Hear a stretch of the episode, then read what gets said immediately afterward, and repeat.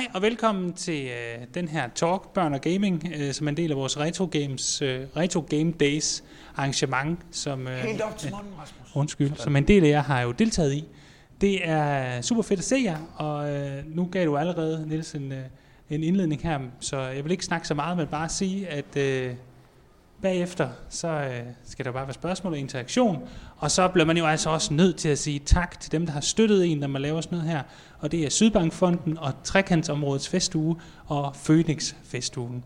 Så med de ord, så vil jeg bare give øh, mikrofonen videre til Niels. Rigtig hjertelig velkommen til Aldrig AFK, en podcast om gaming, og vi er jo samlet her i dag til Retro Game Days i spinnerihallerne i Vejle, hvor der øh, er pis lækkert og øh, banket øh, en masse retrospil op i... Øh, er, er det her biblioteket? Nej, det er ikke biblioteket. Jeg skal have mikrofonen op. Ja, det er en meget bedre løsning. For Meget bedre løsning. Det her det er jo ikke biblioteket, det er det, vi kalder spinderihallerne. Det er spinderihallerne. Øhm, og det er her, vi har valgt at holde det, fordi at, øh, her har vi Kulturmuseet nede, og de har en rigtig spændende udstilling, der hedder Datakraft. Mm. Øhm, og i forbindelse med den udstilling, der har de ligesom sådan en kulturhistorisk øh, gennemgang af computerspil, og vi har så lavet det her samarbejde om at lave øh, Retro Game Days, hvor vi hylder computerspillet som sådan et kulturelt produkt, der er rigtig fedt, og der er rigtig mange, der bruger, men øh, som der tit og ofte ikke er sådan det helt store fokus på. Øhm, så hermed Retro Game Days. Sådan.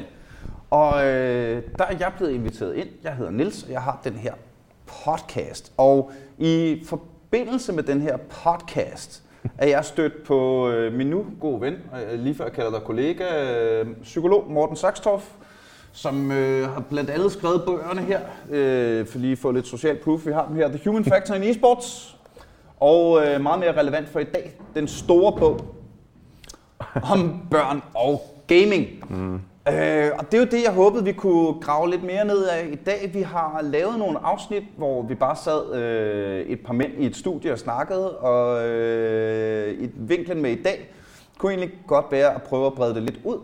Så vi håber, at, som sagt, at vi kan lære noget af jer, og I kan lære noget om os. Men øh, for at øh, lige åbne hele ballet, helt officielt, tror jeg, jeg vil sælge bolden videre til Morten. Mm. Tak for bolden. Jeg hedder som sagt Morten, og øh, jeg er psykolog, og har de sidste fire år brugt basically hver eneste sekund, jeg ikke har lavet enten terapi, eller spist, eller sovet, på at snakke og blive klogere på gaming, og hvad det betyder for både børn, men altså også for nogle af de her rigtig hardcore e-sportsatleter.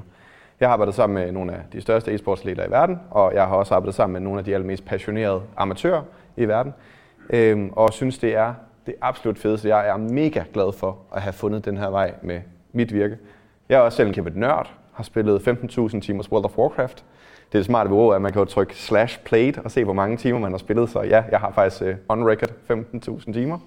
Så kan vi diskutere, om det er smart eller ej, men det har jeg. Så jeg er også utrolig stor passioneret nørd selv, og det er en af de kvaliteter, tænker jeg i virkeligheden, som gør, at det her med at blande psykologien og nørdheden, det gør, at jeg måske kan tale lidt det sprog, vi taler. Og i dag, apropos børn og gaming, så kunne jeg egentlig rigtig godt tænke mig, at vi får en snak, både herop men i virkeligheden også med jer, og meget gerne med inputs fra jer, på, hvad er det her gaming for noget? Så egentlig så tror jeg, jeg vil starte med at spørge hele vejen over til dig, Jørgen. Hvad er gaming for dig? Jamen, øh, gaming for mig, det er jo egentlig noget, jeg har fra min barndom, hvor jeg gamet rigtig meget. Hvorfor? Øhm, vi skal, jeg er ja. til lige, vi skal lige have præsenteret dig for lytterne, Jørgen. Ja, det er rigtigt. For dem, der ikke uh, sidder her ved, uh, det får ja. du sig selv. Yes. Jeg hedder Jørgen, og jeg er digital formidler ved Vejle Bibliotekerne. Øhm, ja, og så er jeg far til lige pludselig tre små børn. Eller det i er, forskellige størrelser. Det er øh, et barn mere, end du har arme. Har du tænkt ja. den rigtig godt igennem? øh, nej, det føles lidt ligesom at blive slået helt tilbage i Ludo. Øh, men øh, det er også meget sjovt. Så det er godt, der findes controller, der kan erstatte forældres arme, ikke? Ja, men det er jo det. Øhm, men det er egentlig sjovt. Jeg havde forventet, at øh, hvis man havde... Øh, skærme og så videre derhjemme, så vil det være, have u, sådan en, øh, hvad det hedder, uomgængelig tiltrækningskraft derhjemme. Men øh, jeg har det egentlig sådan lidt med mine børn. Jeg skal sådan lidt tvinge dem til at game, øh, fordi det vil jeg egentlig gerne have, at de gør. Øh, jeg vil gerne have, at de har tjek på at kunne bruge mus og keyboard i hvert fald. Det kan godt være, at de ikke synes, det er sjovt at spille, men de skal kunne bruge musen og keyboardet. Men øh, ej, man kan jo også lokke dem til at synes, det er sjovt. Øhm, så ja, det var vist uh, introduktion af mig. Mm. Hvor, øh, nu, når jeg nu kigger ud over de kære mennesker, der har øh, kommet ind her i dag, ser jeg øh, forskellige aldersgrupper, en masse forskellige mennesker. Hvor mange er forældre af jer blandt publikum? Tre. Tre. Mm. Sådan der. Og så kan jeg kun gå ud fra jer, at resten er børn. Der ikke, Eller får lov til, at- der ikke får lov til at spille nok timer for jeres forældre. Og bedstefar, yes, Og bedstefar, sådan Og så har du også børn. Mega fedt. Mega fedt. Øh, hvordan bruger du gaming med dine børn, Jørgen? Jamen, øh, egentlig så har det jo øh, været noget, vi egentlig har mødt først og fremmest via iPad'en, øh, diverse iPad-spil. Og jeg har ikke tænkt over det, men øh, der var en medieforsker, der sagde, at øh, det forældre fokuserede på, når de øh, ligesom installerede spør- øh, spil på deres øh, iPad til børnene, det var, at spillene de var gratis, og det så fint ud. Øhm, og jeg har så i stigende grad egentlig blevet irriteret på de her spil, fordi jeg synes ikke, de var, jeg synes ikke det var noget værd. Jeg synes, øh, kvaliteten af det, der var på skærmen, var ikke specielt god. Øhm, så derfor begyndte jeg at interessere mig lidt for, okay, hvad var det, jeg selv spillede? Så jeg begyndte at introducere retrospil, og lige pludselig så begyndte de op i børnehaven at snakke om Minecraft. Nå, okay. De snakkede alle sammen om Minecraft. Var der nogen, der havde spillet det? Nej, der var nogen, der havde snakket om det i hvert fald. Men så begyndte vi at spille Minecraft derhjemme, øh, fordi at de synes det var spændende. Det var også meget svært. Øh, det er mest min søn på 5, som synes, det er rigtig spændende med det her Minecraft. Så ja, vi har, jeg har anskaffet mig for første gang nogensinde en konsol, en PlayStation 3, hvor, der var, hvor jeg fandt et Minecraft-spil til. Og så har vi egentlig spillet det der, fordi man kan jo også spille det på PC'en, men det viser egentlig, at det var utrolig hyggeligt at sidde foran fjernsynsskærmen, øh, både storesøster, lillebror og så far. Vi sad og spillede Minecraft her på, for et par weekender siden, og vi synes alle tre, det var enormt spændende, og vi sad og fik bygget et hus, og lige pludselig så gik de jo på opdagelse. Jeg synes, det var rigtig fedt at se, hvordan det sådan gik fra at være noget, der sådan var motorisk svært til, at det lige pludselig var meget spændende at skulle ud på opdagelse og mm. finde, på, finde byer ude i den her Minecraft-verden, og jamen ikke mindst få indrettet det her hjem, og så om natten, så skulle vi så hjem øh, og sove, ikke mindst. Og sådan. Så vi byggede ligesom vores egen historie op, og, og hyggede os enormt meget med det. Jeg synes, det var, jeg, jeg synes, det var et stort hit, og børnene synes også, det er ret sjovt med, med Minecraft. Kunne jeg overtale en af jer, der sidder tæt på døren og lukke den? Det virker som om, der kommer lidt baggrundslarm ud fra der. Og det er jo ligesom, der, jeg, når jeg snakker med forældre om gaming, så oplever jeg to meget forskellige historier. Den ene er de forældre, der selv er trygge ved gaming, og øh, selv har oplevet det og brugt det som en del af deres øh, hobby gennem hele livet, og som bare synes, at børnene de kan simpelthen ikke komme i gang hurtigt nok. Og så er der den anden gruppe, som er forældre, der måske ikke har øh, arbejdet og selv oplevet gaming særlig meget, hvor det er en skræmmende verden, mm. og øh, hvor der, det er også det- tit der, der opstår konflikter mm. generationerne imellem. Men hvis vi lige starter og bliver i den positive vinkel, så skal vi nok gribe ind i den anden. Er der nogen af jer derude, som har haft den samme positive oplevelse med gaming på tværs af generationerne, enten nedad eller opad? Kan vi få mikrofonen derned? Ja, I må lige, så øh, I må selv lige sørge for at, at, at sprit og ditten og datten med alt det der. Men det er nok Lad være med at den måde, vi slikke gør på det på. Yes. Er det fint? Ja, Det er så godt. Øhm, min far, han spillede øh, RTS, øh, Red Alert, øh, Dune, sådan nogle spil. Øh, og det samlede vi omkring, når han havde tid til det. Mhm. Så på den måde, det er jo sådan min introduktion. H- Hvordan det- samledes I omkring det? Så fulgte vi med i, at han spillede. Så I sad Øh. simpelthen rundt om skærmen, ligesom nærmest Ja. rundt om et lejrbål, han fortalte Ja, historien ja. rigtigt. Ja. Pretty much. Og det har så været min introduktion, og jeg har også alt for mange timer i World of Warcraft og sådan noget. Horde eller Alliance? det er der ikke noget, der hedder. Øh, hårdt, men Godt, du er godkendt. Ja, det er selvfølgelig et, øh, et andet afsnit, øh, men øh, lad os lige få... Øh, der ligger øh, det store World of Warcraft afsnit med Simon Talbot og Martin Nørgaard, hvis man har lyst til at høre det.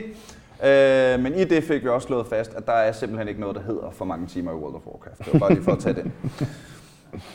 Øhm, så det var din introduktion. Øh, der var en øh, ved siden af os.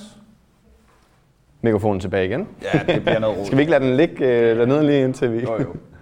Så må Jørgen råbe. kommer rigtig tæt på os? Og... Ja, jamen øh, altså min oplevelse af det er det, at min far købte mig en computer, en gammel Amiga, dengang jeg var tre år gammel, og jeg har sådan set aldrig kunne lægge det ned siden. Øh, og i dag er jeg jo øh, folkeskolelærer og har det som et fælles træde med, med de børn, som jeg underviser. Øh, og øh, altså har også øh, igennem e-sportsforeninger haft meget med, med, med børn at gøre på tværs af, af generationerne. Ikke? Mm-hmm. Og det, altså, en passion er en passion, og så er det sådan set ligegyldigt, hvad gammel man er omkring det. Mm. Så det jeg hører fra jer, sådan lidt sammenhængende, er jo, at det er jo ikke nogen hemmelighed eller noget nyt, at en del passion med dit barn skaber relation. Ikke? Altså, og det, så kan det tidligere have været øh, fodbold, mm. eller madlavning, eller at sætte sin hulemaleri i alfabetisk rækkefølge, hvad man nu lavede, inden alt det sjove blev opfundet. så den er jeg i hvert fald rimelig, øh, rimelig stram på. Oplever I, nu øh, er det måske s- især øh, spændende at høre dig som folkeskolelærer, fordi jeg forestiller mig, at du har kontakt til mange forældre. Øh, oplever du, snakker du med børnenes forældre om gaming? Øh, ja, altså det kommer jo op en gang imellem, som, et, øh, som du selv nævner det, som et, øh, et, øh, et konfliktpunkt. Ja. At øh, forældre kan opleve, at, at det tager meget fokus, øh, tager meget børnenes fokus, mm. end, og at måske det fokus skulle ligge et andet sted, synes mange forældre jo. Øh, og den snak har vi jo også haft gjort mange gange, og så sige, jamen, altså de lærer også meget andet af at sidde og spille, end bare det, der foregår på skærmen. Der er jo mange sociale interaktioner, de har med deres venner og kammerater, som de ikke har, når de er i skole, eller når det er sådan, at de er nede og spille fodbold eller noget andet. Øh, og så også øh, generelt øh, digitale færdigheder får de jo også. Øh, 21st century skills er meget op os, og, og vende også omkring det her med, hvad det er for nogle færdigheder, som fremtiden ønsker af den kommende generation osv. osv. Så jo, det er jo også noget, vi taler om. Jeg tænker lige at skyde en kommentar ind her, Ja. fordi en af de projekter, vi går og laver, jeg, jeg arbejder blandt andet i det, der hedder sundgaming.dk, fordi man skal jo have sin hjemmeside i sit navn, ikke? Øhm, og, og en af de projekter, vi laver, er blandt andet med et par skoler, hvor vi co-teacher, som det hedder. Så i stedet for, at lærerne skal på en anden forkromet kursus, hvor de skal bruge ekstra lang tid, fordi lærerne har i forvejen rigeligt at lave, det ved du sikkert alt om, ja, øhm, så tager vi simpelthen ind i undervisningen og sætter en nørd sammen med dem. De så også underviser de her nørder, men sætter en, som forstår gamingsproget, sammen med den her ældre underviser, der måske ikke forstår gamingsproget. Og så hver gang, at Emil på 13, han siger, åh, jeg er så træt i dag, så kan, øh, hvis nu for eksempel det var mig, der sad der, så kunne jeg sige, okay Emil, hvorfor er du træt? Om jeg sad og spiller Fortnite i går. Åh, fedt, hvad er dit yndlingsvåben? Så gør Emil sådan her. Men du er voksen. Ja. Hvor, hvorfor ved du, hvad et våben er? Det er, fordi jeg ved, hvad Fortnite er. Kan du bedst lide sniper? Ved du, hvad en sniper er? Og lige pludselig, så kommer det der sprog, du nikker også genkende, ikke? fordi det der sprog der, vi har til fælles lige pludselig, det gør milevidt for, at kulturen, som de her unge mennesker, og nogle af os nørder han elsker, bliver trukket ind i klasseværelset. Og lige pludselig, så er det ikke sådan noget, hvor forældrene hele tiden siger, du skal ikke spille så meget, eller underviseren siger, fokuser nu på matematikken. I stedet for, så kan jeg sige, okay, hvis så du har det her, nu tager det et nemt regnestykke, for jeg er ikke så god på matematik selv, men hvis nu har 7 plus 7, ikke? jamen så øh, hvis nu du har brugt 7 skud ud af din sniper, og den har, øh, og, og, du har syv tilbage, hvor mange havde du så til at starte med? Jamen jeg ved, der er 14 i sniperen, det er der ikke i Fortnite, men som eksempel, ikke også? Åh, oh, oh, det er jo fuldstændig det samme. Bum, samme sprog. Og det vil være for præcis det samme med fodbold, præcis det samme med svømning, præcis det samme med ligegyldigt, hvilken interesse det er. Udfordringen er bare, at vi har demoniseret gaming i 30 år, specielt igennem forskning. Der er blevet forsket i afhængighed, der er blevet forsket i, hvordan det ødelægger os, og blåt lys, og vores hjerner, og alt det der. Og når vi lægger det til side og bare siger, okay, det er sgu nok kommet for at blive, og bruger det potentiale, der ligger i det, så jamen, du er et levende eksempel på, at det virker, ikke? Jeg havde øh, i et tidligere afsnit øh, tre undervisere og en elev inden fra en 10. klasse, der simpelthen havde lavet en gaming-linje, en e-sportslinje. Ikke? Og øh, hvad jeg hørte fra den her, øh, han har været sådan noget 18, 19, tror jeg det var, eleven, han sagde basically, jeg var røvhammerne skoletræt. Hmm. Jeg gad ikke mere. Jeg var skidelig glad med alt, hvad nogen sagde i nogen fag. Lærerne, alt. Jeg var røvhammerende ligeglad. Men i dag, hvis jeg bliver præsenteret for et regnestykke, så er det ikke, øh, hvor mange procent er bla bla bla. Så er det, du skøder en, fu- en fyr i Counter-Strike gennem en tynd væg. Den, du giver 100 i skade, den stanser 32 procent af skaden. Hvor meget skade giver du? Så, så gider jeg godt. Mm. Øhm, for lige at, en, ta- en tanke, jeg kom til tidligere, da øh, du nævnte det med konflikterne, og det er her, vi øh, måske også lige så stille og roligt skal åbne op for. Nej, jeg vil hellere åbne op først i virkeligheden. Nu har vi haft de positive, øh, Jørgen og relationerne, det videre der andet. Øh, sidder der nogen derude, som har nogle tanker om, altså som kommer fra den anden ende, som øh, føler, at øh, gaming skaber konflikter i familierne, eller at, øh, der er, at det er to forskellige verdener, som er svært at forene? Øhm, altså ikke sådan konflikter i den gamle forstand, hvor det er, det bare per definition er dårligt. Øh, og jeg har også som Jørgen haft nogle gode oplevelser med Minecraft og sådan nogle spil med min, min ældste søn og også min yngste søn, som er, øh, øh, de er 5 og, og 8 år. Men jeg har oplevet med for eksempel især Pokémon Go, Mm. hvor man skal ud og gå med sine børn, og de spiller det her spil, og egentlig er det skide hyggeligt, især hvis jeg så er med til at spille Pokémon Go. De har så både erobret min privattelefon og min arbejdstelefon, så jeg går faktisk mest og kigger ud i luften. Ikke? Men hvor det er, at, at der kan komme nogle kæmpe konflikter, hvis det er, at de ikke kan fange en af de der Pokémons. Og der er jo bare en eller anden, bag, en eller anden kodning bagved, der siger, at nogle gange er de bare pisse svære at fange, og du mister mm. alle dine balls, og jeg ved sørge med ikke hvad. Ikke? Og der kan der ske nogle kæmpe konflikter. Og der kan jeg mærke, at min søn, den ældste især, at det ikke kun er en konflikt i forhold til, at han ikke kan fange den her, som bare er vildt træls. Mm. Og det kan man godt blive ked af, når man er 8. Men det er også en konflikt i forhold til, at hans gode ven, Ejgil over i skolen, han har fanget den, han er i et højere level. Fordi det er jo en social ting, som jeg også snakker, og som jeg også synes, man skal anerkende. Altså hvis min søn ikke, ikke fik lov til at spille Pokémon Go, så var han udenfor. Mm. Men samtidig, så kan han blive enormt, altså virkelig reagere hårdt over det. Og det er ikke noget med, at computerspil skaber vold. Det er ikke den der debat, jeg vil ind i. Men der er, nogle gange, så kommer der bare sådan nogle negative følelser ud, øh, hvis man ikke kan øh, gemme, hvis det spil ikke gør, som man forventer. Mm. Mm. Ja. Øh, eller hvis man ikke gør, man prøver at investere tid i det og energi i det, og Mm. mm. stadigvæk, så kan man ikke komme igennem. Mm. Mm. Og det ved vi jo godt som voksne, det er jo sværhedsgrad og alt det der. Mm. Men der kan jeg mærke nogle gange, der er nogle negative følelser, og jeg havde, hvor vi gik rundt i Universitetsparken her for et par uger siden, op i Aarhus, hvor han simpelthen blev så ked af, at jeg måtte bruge en halv time på at trøste ham over det, for det var Ja. så hårdt, fordi han ville så gerne op i det level, for det var Ejgil, og det var Mm. mm. Konrad, det var de Mm. andre, for de får lov til at spille mere, og jeg ved ikke hvad. Mm.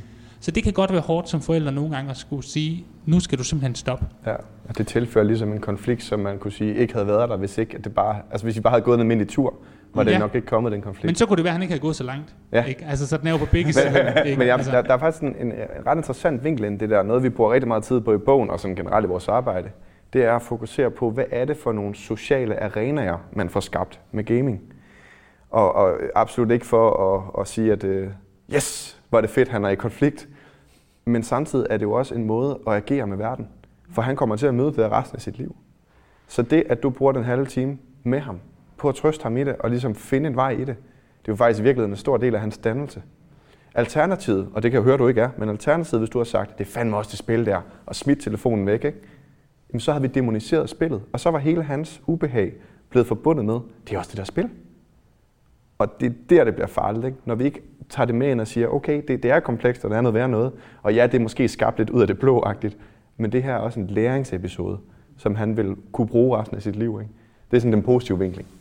Men der er også et andet perspektiv i det, fordi hvis han ikke får spillet det spil nok, eller ikke kommer op i de høje levels, Mm. og ikke tjener penge nok i de der Pokémon coins, eller jeg betaler for Pokémon coins, så, han kan få, så han kan få den rigtige hat, Ja. eller en rigtig solbriller, og så er der, og det, det er ikke sket endnu, men det kunne jeg forestille mig, at der er et potentielt øh, blevet holdt udenfor i skolen moment i det, Mm. især når han selv får en telefon, for nu har han ikke selv en telefon, Mm, men når de mm. kommer højere op, ikke?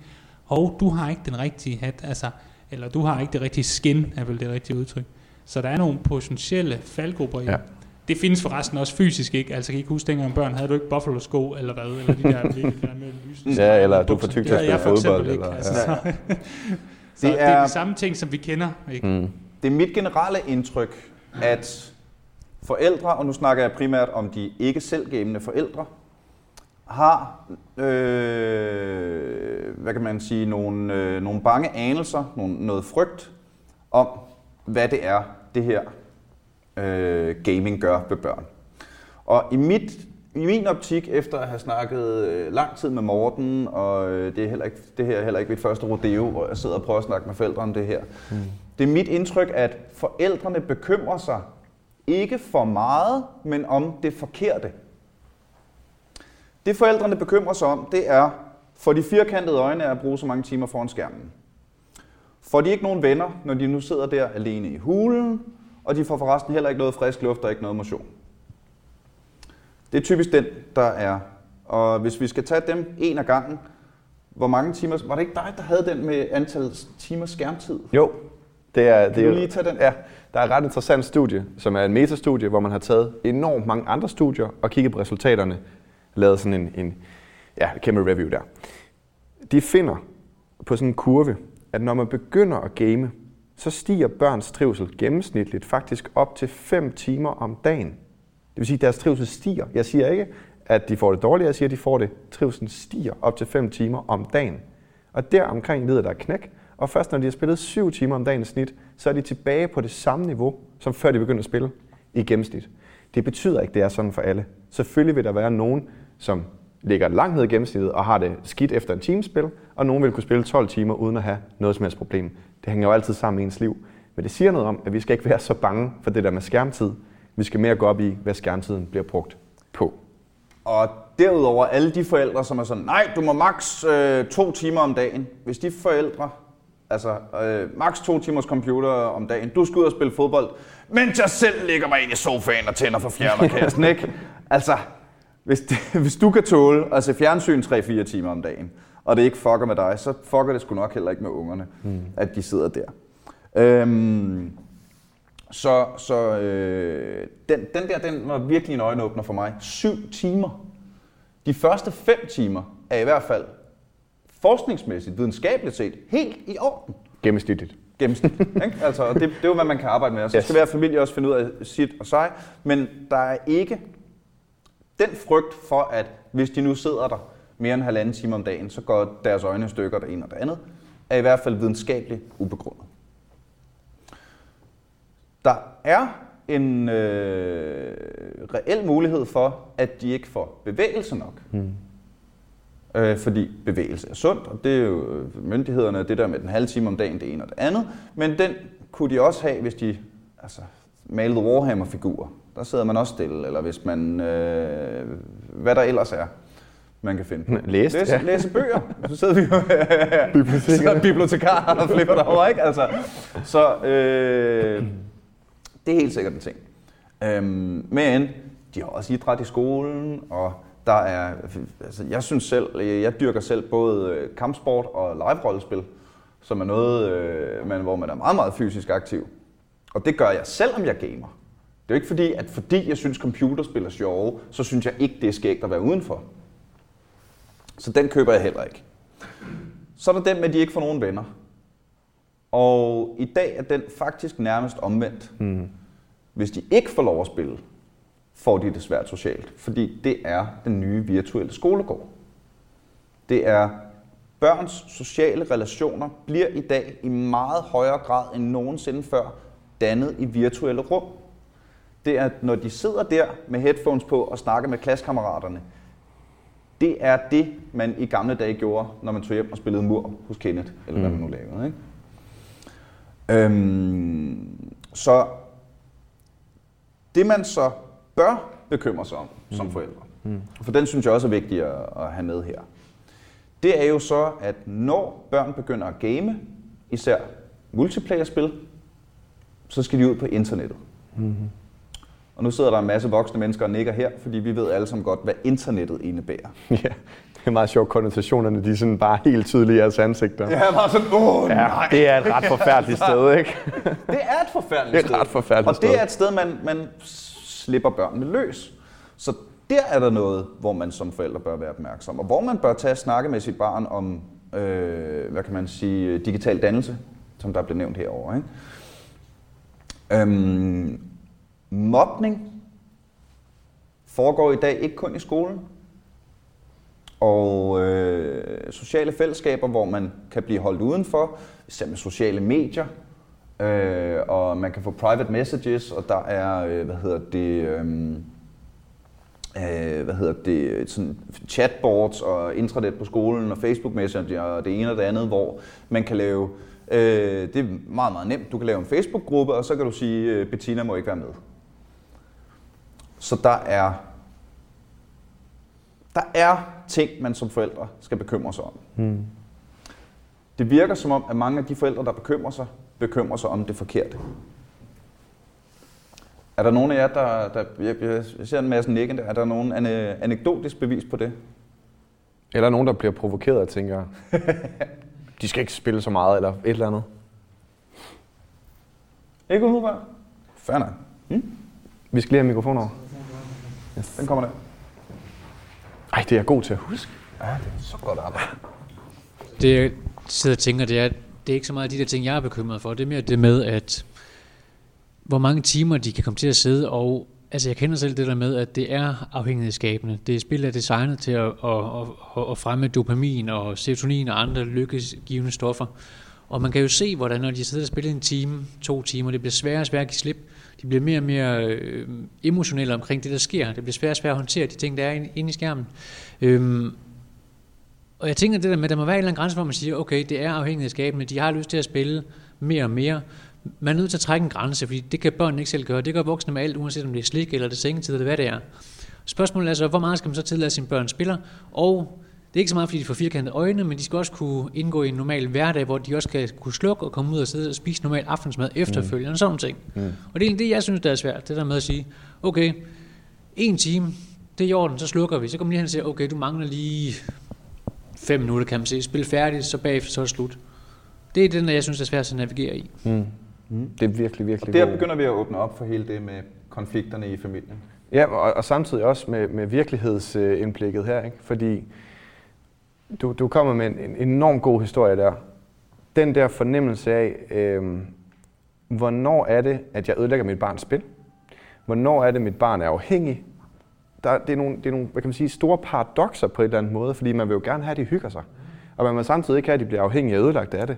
Der er, der er rigtig mange ting. Jeg, jeg tror, den første ting, jeg vil sige, jeg har virkelig gået meget op i afhængighed, fordi det, nu er jeg jo psykolog, så ellers skal jeg jo øh, have en vinkel ind i det på. Ikke?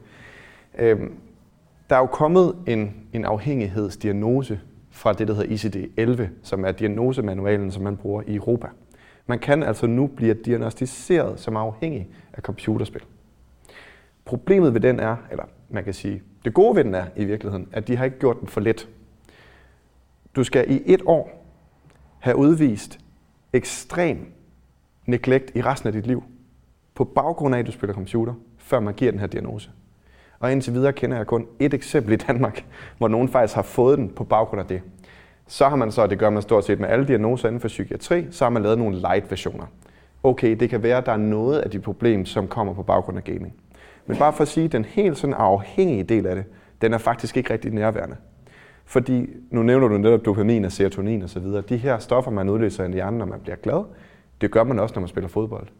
Det gør man også, når man spiser. Det gør vi også, når vi sidder her. Hvis en af jer hører noget, hvor I tænker, åh, det var spændende, så får I også det skudt ud i hjernen. Alting i verden er designet til det her. Men spil er meget specifikt godt til lige præcis det. De er virkelig dygtige til at designe efter det. Fortnite er basically en stor dopaminudløser. Der er ikke nogen tvivl om. Men realiteten er bare, at de skal ud i en verden, hvor det her er det, de møder hver eneste dag. Så de skal lære at navigere i ekstremt dygtigt designet øh, marketing. Og så er der to potentialer. De skal kunne gå væk fra det. Og det er lige præcis det, du siger. at De skal kunne deltage i den normale verden. Det er virkelig vigtigt. Jeg er all in på det. Men de skal også kunne navigere i det. Så de skal faktisk ind og lave en masse fejltagelser. De skal ind og finde ud af, hvordan, oh, nu fik jeg brugt 1000 kroner på fars øh, kort, og han var eddermame ikke tilfreds. jamen, hvordan lærte vi andre det, da vi skulle, øh, nu er jeg ikke lige den store skomand, men altså, ud og købe sko, jamen, jeg stjal på, på et tidspunkt, okay, jeg placerer at købe spil, så måske ikke helt sammen. Men, men pointen er, at, at vi skal faktisk lære at navigere i det felt, og derfor er det mega vigtigt, at vi kigger på det som et potentiale for læring, og så undgår faldgrupperne ved også at sætte grænserne, for jeg er helt enig med dig, der skal sættes nogle grænser. En af grundene til, at den der rent faktisk blev udgivet ved et videnskabeligt forlag, er fordi min chef, hun har siddet sådan her hele vejen igennem, for jeg var jo klar til, at vi skulle gøre gaming til det eneste, vi lavede. Det var jeg ikke helt, men hun er rigtig god til at sige, okay, rolig nu morgen. Ikke?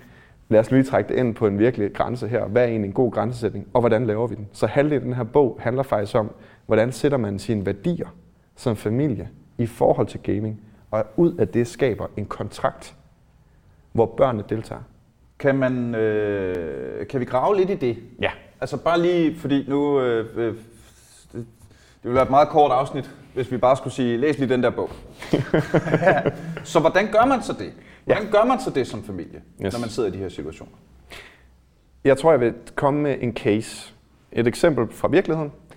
Øhm, vi har en Facebook-side, der hedder Sund Gaming, og øh, der sidder der 1700 forældre og tjekker ud, hvad vi laver en gang imellem. Jeg er sindssygt dårlig til at poste derinde, men det sker en gang imellem. En af de ting, vi har postet derinde, var et online-kursus, hvor man går ind, det var specifikt om Fortnite, fordi man kan ikke lave et kursus i gaming, det ville tage 30 år at komme igennem. Ikke? Så specifikt Fortnite. Kurset handler grundlæggende om de første times tid at lære, hvad Fortnite er. Så der er en guide til, hvordan downloader jeg Fortnite? Hvordan spiller jeg Fortnite? Hvordan laver jeg de første fem øvelser for det her kursus i Fortnite? Og det er forældrene tvunget til at gå igennem, før de går videre i kurset. Næste del af kurset er, snak med dit barn. Og her der vender vi rigtig meget hele bøtten om og siger, nu er barnet eksperten.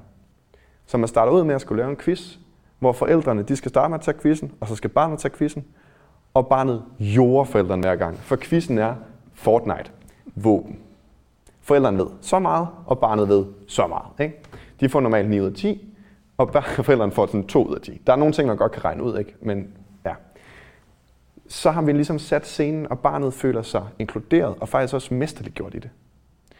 Det kunne gøres på alle mulige andre måder. Man kunne også vente om at sige, nu øh, spiller man spørgsmål til sit barn. Det tænker jeg også er sådan en ting, som Ian måske har gjort, da I spillede Fortnite, Jørgen. At, eller undskyld, øh, Minecraft. Ja, øhm, at, at der er blevet stillet spørgsmål undervejs. Ikke? De har spurgt dig, du har spurgt dem. Det har været en dialog. Og den kan være mega svær at skabe. Og jeg, jeg sidder ikke og siger, at det er bare lige noget, man gør.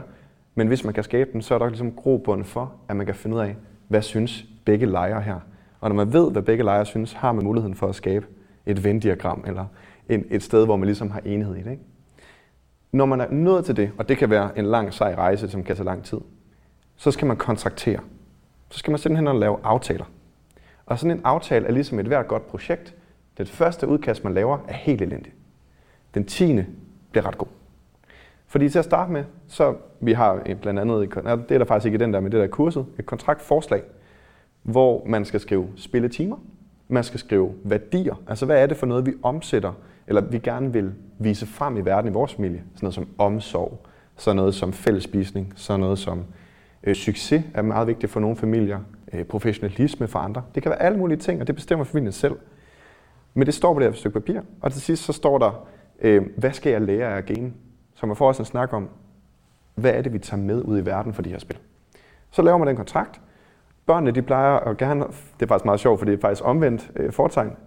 Man laver en øvelse, som er, forældrene skriver et antal timer ned, som de synes, at man må game. Så skriver barnet et antal timer ned, man synes, man må game om dagen. Men de fortæller det ikke til hinanden. Til gengæld, når de så kommer frem til det, så skal de fremlægge det uden at sige tallet. Jeg synes, jeg må spille så meget her, mor, fordi jeg lærer det her, jeg kan det her, jeg snakker med ham her, jeg gør sådan og sådan. Og mor siger, du må spille et antal timer, og det synes jeg er det antal, fordi. Og så siger hun, øhm, At vi skal indgå i kontekst med resten, og vi skal huske at spise sammen med familien, Smukt. og alle de her ting, som er vigtige lige for os. ikke? præcis. Og så viser de tallet, og 8 ud af 10 gange har barnet skrevet et lavere tal end moren. For nu har de, og det lyder mega sådan, ja, det er fint, tro mig, jeg har gjort det her mange gange. De har vendt om, fordi de har skabt en dialog først. Barnet har forstået, shit, min mor er faktisk bange for, hvad jeg gør.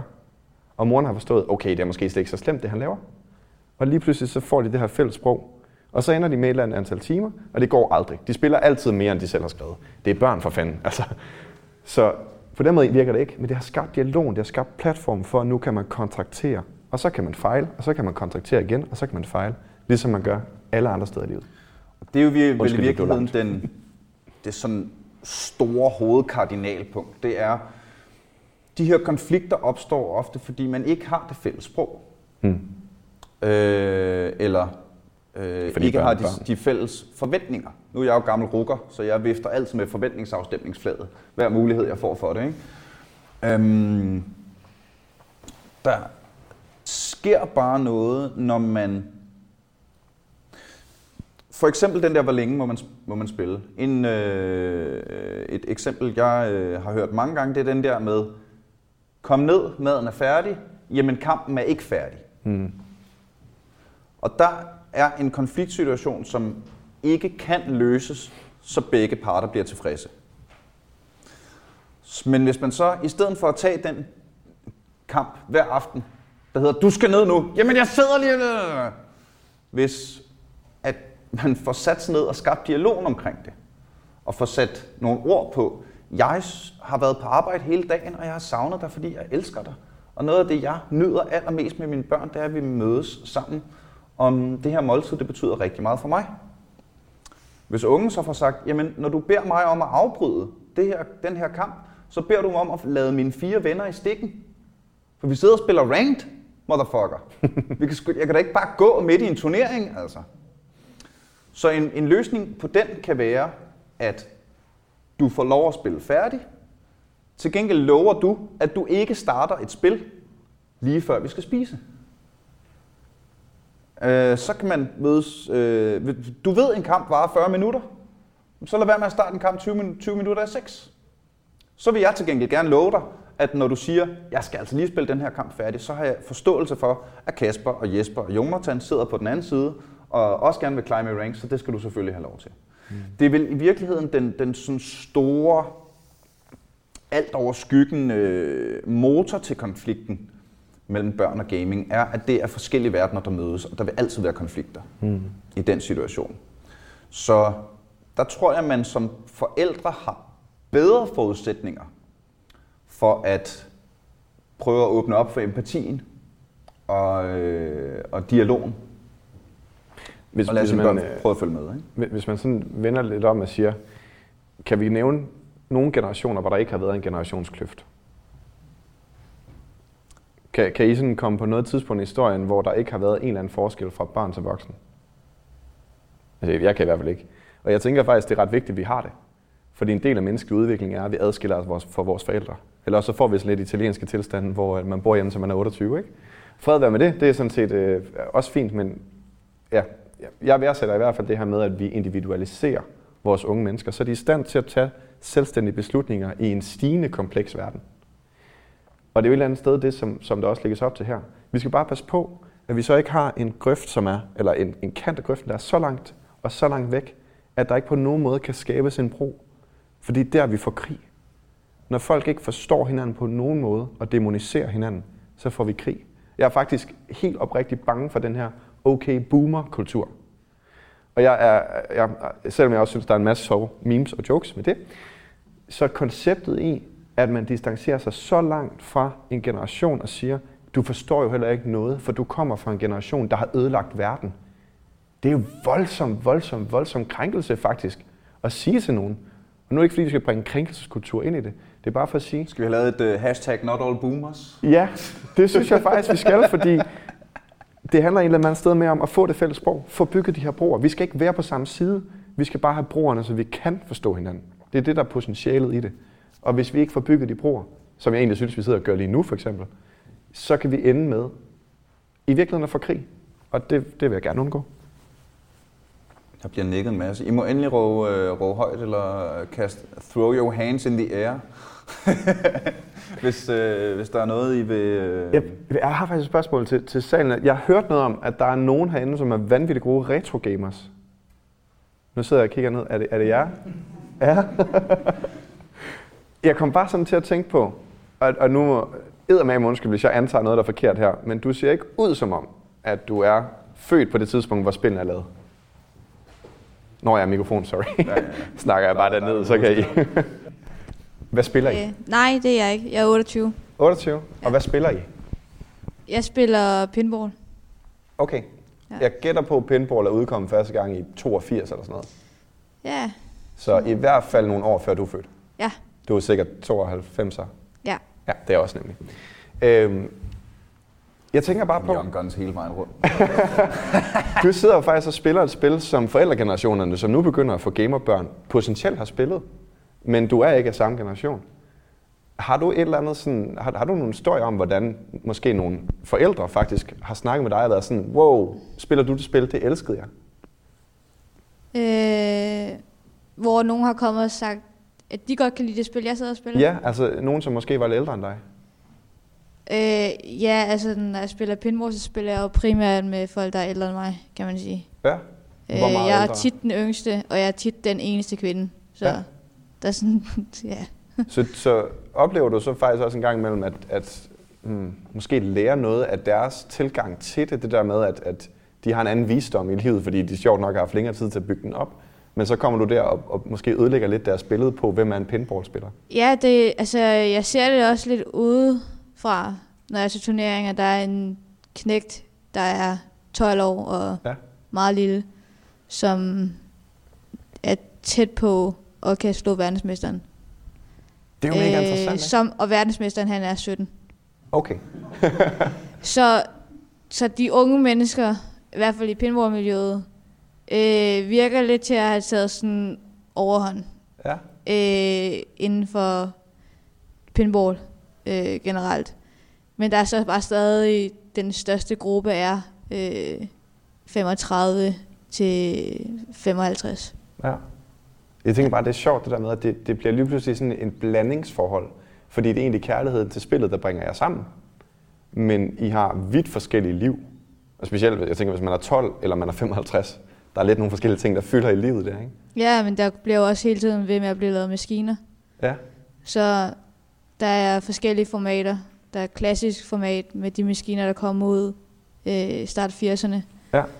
Øh, og så er der et, et nyere øh, med midt-maskiner, der kommer ud fra 80'erne, 90'erne, eller sådan 90'erne, og så de nye maskiner, der bliver produceret øh, et par maskiner hver år. Mm. Så det er også på en eller anden måde en tradition, der bliver bragt videre. Ja. For jeg sidder egentlig bare og tænker sådan, er der nogle steder, hvor, hvor, hvor gamerkulturen på tværs af generationer faktisk kunne være bedre til at forene sig? Det kunne være et ret sjovt projekt. Ja, nu bliver jeg lige helt drømmende her. Du skal skrive en bog mere, Morten. Ja, en til. Så, Nå, tak for det. Øhm, det er vel i virkeligheden øh, med børn og gaming, som det er med børn og så mange andre ting. At altså, der findes også øh, børn, der er fuldstændig fodboldbit, og kun kan snakke fodbold, og øh, hvad hedder det, skal gå i, øh, i Messi-trøjer dagen lang, og det ene og det andet. At man som forældre, eller bare ældre generationer, når man har med, med gamer at gøre, spørgsmålet er, om du demoniserer det, og derved distancerer dig, eller om du ser det som en mulighed for dialog, om du ser det som en åbning. Og så er det, når der bliver talt et mærkeligt sprog, så kan det være, at man skal læse en bog, eller have en, øh, en nørd med på sidelinjen, eller noget i den retning. Men udgangspunktet vil vel altid være, at mere dialog er bedre. Enig. Øhm, vi er ikke færdige nu, fordi jeg synes godt, vi i den her kontekst kunne snakke lidt om fordelene ved at game. Vi havde en øh, meget hyggelig sagt, nu sidder jeg og peger på bibliotekaren her, øh, inden vi trykkede på record, om hvor, for eksempel, hvor meget bedre jeg personligt er blevet til engelsk af at spille Baldur's Gate som 12-årig. Hvor øh, meget nu, nu snakker vi om det her med, at øh, online mødestederne er de nye skolegårde. Jamen, det er jo der, mm, man i dag i høj grad lærer de sociale færdigheder, som man normalt skulle ud i skolegården og lære, som du ikke bliver undervist i. Jamen, dem har du i hvert fald potentiale for at lære i dag online. Det er noget med, hvis jeg bliver rigtig sur og kalder mine venner for narrøve, så kan det være, at de ikke gider spille med mig længere. Øhm, og det er selvfølgelig også en faldgruppe, igen af kvæg, hvad vi snakkede om tidligere. Vi ved, hvad der, hvad der fungerer med ekokammer på internettet. Der kan også opstå en utrolig usund kultur i de her. Det kan være noget med, øh, ej, hvad fanden med, hvad ved jeg, kællinger, farvede mennesker. Altså, øh, hvad man nu har. Man kan finde en, et fællesskab i antipati imod, eller der kan ske så mange ting på lukkede fora på nettet, som vi ved. Men det kan også være en mulighed for, øh, for, for, for personlig vækst og digital dannelse. Og jeg tror vel i virkeligheden, det er... Jamen, øh, prøv at binde sløjfe på alt det, vi har snakket om her. Så er, du kan ikke sige, at gaming er dårligt. Du kan heller ikke sige, at gaming er godt. Gaming er der for helvede. Og gaming er noget, du er nødt til at tage stilling til. Og jo... Mm, det har... With great power comes great responsibility på en eller anden måde, ikke? Fordi der er uanede potentialer for at, øh, at anvende... Altså, der bliver jo i øjeblikket snakket enormt meget om konceptet gamificering i læring. Øh, og gamificering i sociale kontekster, og så videre, så videre, så videre. Så der er enorme potentialer for det her. Men der er også bare nogle faldgrupper. Det vigtigste er, at man ikke har berøringsangst. Og tror jeg også, at forældrene tør være dårlige. Mm. At forældrene tør være nysgerrige og uvidende. Man er ellers vant til den her, forestiller jeg mig, øh, overvidende, alvidende rolle, ikke? og det er helt fra, øh, fra far ved bedst. Øhm, hvad tænker du, Jørgen, når du nu, øh, nu er det der, vi har fat i, og jeg vil også meget gerne øh, høre fra læreren bagefter, om, øh, om hele ideen. Nu er dine børn meget unge, så på et eller andet tidspunkt skal de jo, eller okay, de er ikke meget, det er ikke babyer længere, vel? Men, men i hvert fald unge nok til, at det måske ikke er endnu, at de begynder at få Facebook-profiler og begynder at bevæge sig ud i hele det her. Men samtidig så er det jo allerede nu, at de måske kan begynde at gå på, lad os sige, de vil finde ud af, hvordan man myrder den. De hører, der er en drage i Minecraft. Mm. Den vil jeg gerne finde ud af, hvordan man myrder. Det kan være, at man går på nettet.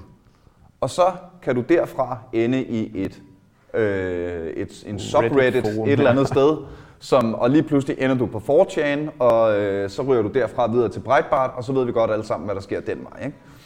Det kan jo potentielt godt ske som 8-årig. Øhm, har du gjort dig nogle tanker om, om hele det show? Jamen, øh, ja, det har jeg. Altså fordi, det kan godt være, at de ikke har deres egne Facebook-profiler, det kan godt være, at øh, vi ikke lader dem sidde og browse rundt på internettet, uden at vi er der, eller i hvert fald ved, hvad de omtrent laver, og måske endda også er med.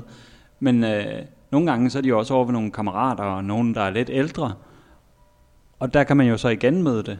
Altså der var for eksempel for, noget, for nogle år siden, der var der den her Momo-figur, øh, som skabte øh, i hvert fald en hel del, ja, der var mange, der blev bange, eller det blev jo sådan en, øh, ja, hvordan skal man beskrive fænomenet? Altså, der var mange, der fik fokus på det, det fik stor opmærksomhed, og det var måske egentlig ikke så meget, og det var i hvert fald ikke det, det gjorde, gav sig ud for.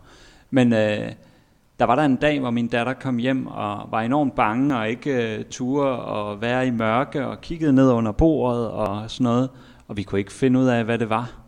Men der havde hun så med en øh, kammerat øh, siddet øh, med en iPad øh, og opdaget den her Momo-figur og, og blev enormt skræmt over det. Øhm, der kan man sige, der er internettet ikke nogen hjælp, men øh, mm. der er det jo en hjælp, øh, at man så kan snakke med sine børn. Mm. At man kan snakke om, jamen øh, det her det er jo ikke meget anderledes. Ah, på det tidspunkt havde vi ikke set Star Wars, men men det er jo ikke meget anderledes end, end Darth Vader. Mm. Altså, det er jo figurer, det er historier, det er fortællinger. Det er ligesom, øh, ja, dragen i Brødrene Løvehjerte. Altså, det, det er noget, der er skabt, og det er noget, der bliver skabt ind i ens hoved. Det betyder ikke, at det er uden betydning eller uden virkelighed.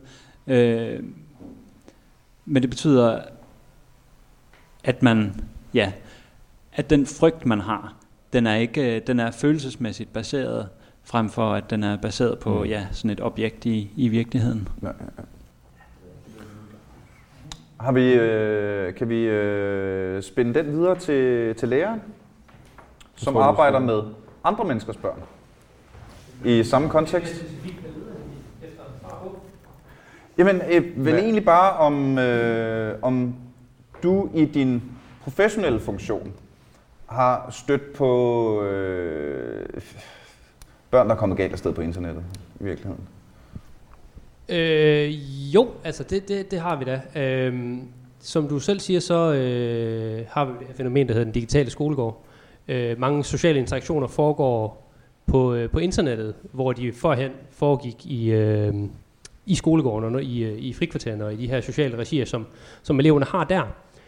Øh, det, der var til forskel fra øh, nu, som fra, øh, fra det, der var før, det var, at førhen, der havde vi monitorering. Vi kunne jo se, hvad der var mm. sådan, at ungerne de lavede i pauserne. Vi kunne høre og overhøre, hvad de snakkede om, og hvordan de snakkede til hinanden. Øh, det har vi jo i, på sin vis på nuværende tidspunkt givet slip på. Det er ikke ret ofte, at, øh, at øh, vi som professionelle hører, hvordan de taler til hinanden, når de kommer hjem. Vel? Fordi at hele deres, det største del af deres sociale interaktioner, de foregår, når de er gået ud af skolen, eller når det er sådan, de går hjem fra skole. Og vi kan ikke rigtig på samme måde have en finger i jorden om, hvordan de taler med hinanden, og hvordan de behandler hinanden, når de er hjemme i de her digitale forumer.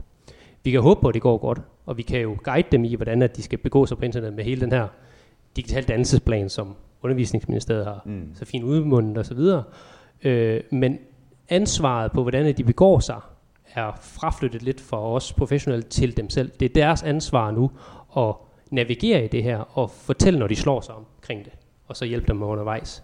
Vi kan ikke længere sådan st- stoppe øh, Ulykken. ulykken i at ske, vel? Mm. Men vi kan, vi kan derimod samle op efterfølgende.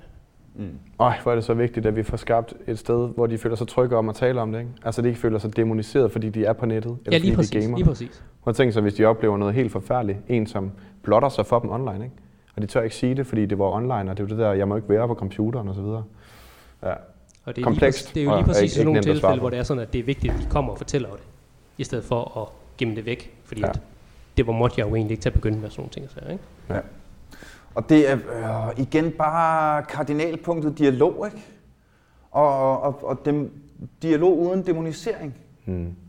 Så det er så godt, at du elsker at spille Fortnite. Hold kæft, det er grineren. Altså, jeg fatter ikke et ord, men du hygger dig, og det skal du bare gøre, ikke? Vis mig det.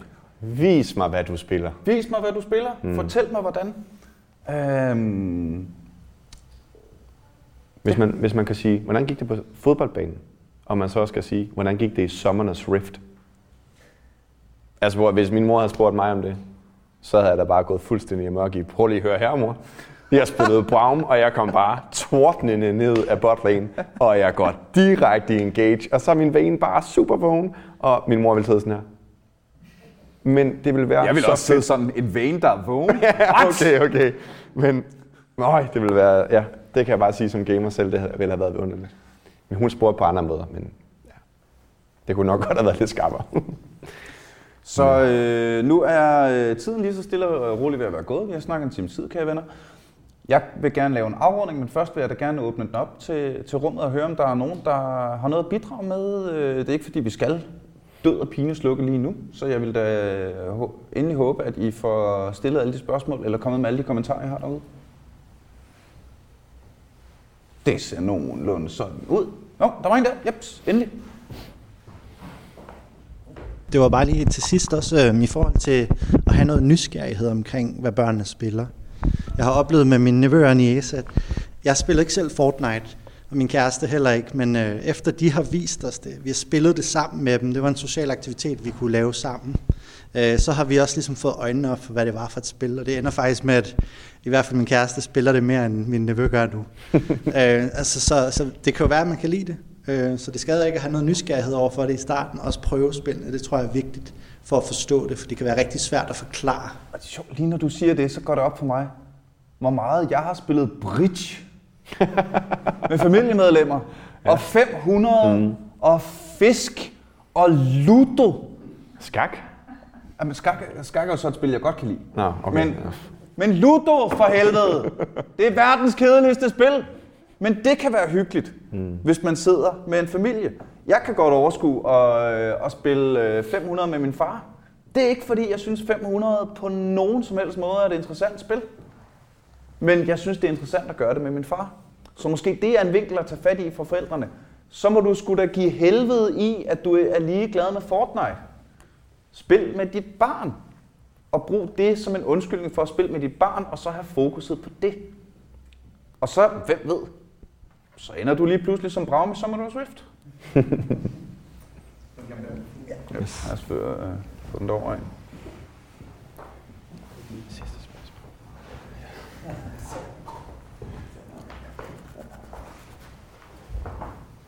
Altså jo, hvis den ikke er blevet taget op endnu, så vil jeg gerne supplere med, hvordan computerspil har bygget mig som person. Mm. Og nu kan jeg høre, der er mange med grin, men altså, hvordan at øh, computerspil har bygget mig som person. Her i starten af året blev jeg introduceret til det her franchise, der hedder Shin Megami Tensei Persona. Og hvordan moralerne i det faktisk kan have en bivirkning til ens virkelighed, og hvordan man som person kan sådan gøre noget for verden. Her i sommerferien blev jeg færdig med træeren, og øh, den har simpelthen lært mig, hvordan man skal lade være med at frygte døden, og faktisk nyde livet og blive et med sig selv. Det er med interessant. Så det har været sådan en helt terapeutisk rejse for dig? Teknisk set, ja. Altså, Eksistentiel rejse nærmest. pretty much. Og når du så til det, som Persona-serien forresten er fantastisk til at gøre, Det er det. og når du så tillægger det muligheden for at erhverve sociale kompetencer, og du tillægger det muligheden for at lære sproglige kompetencer, matematiske kompetencer, øh, jamen altså, så er der jo... Gaming er her. Og det er der ingen, kan gøre noget som helst ved. Spørgsmålet er, hvordan håndterer du det?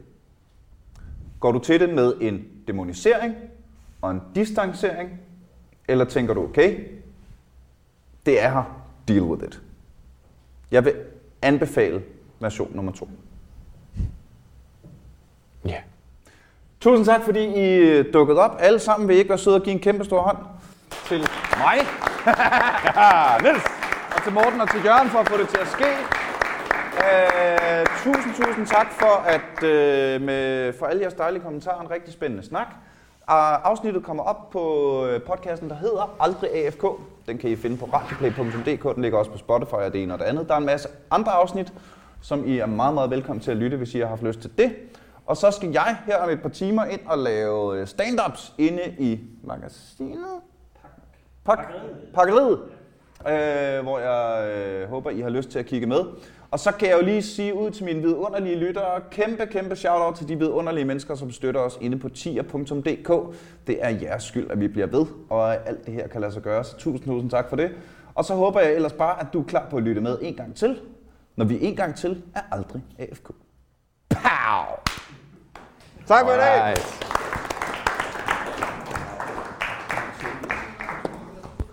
Fedt, mand! Tusind tak, fordi I kom alle sammen.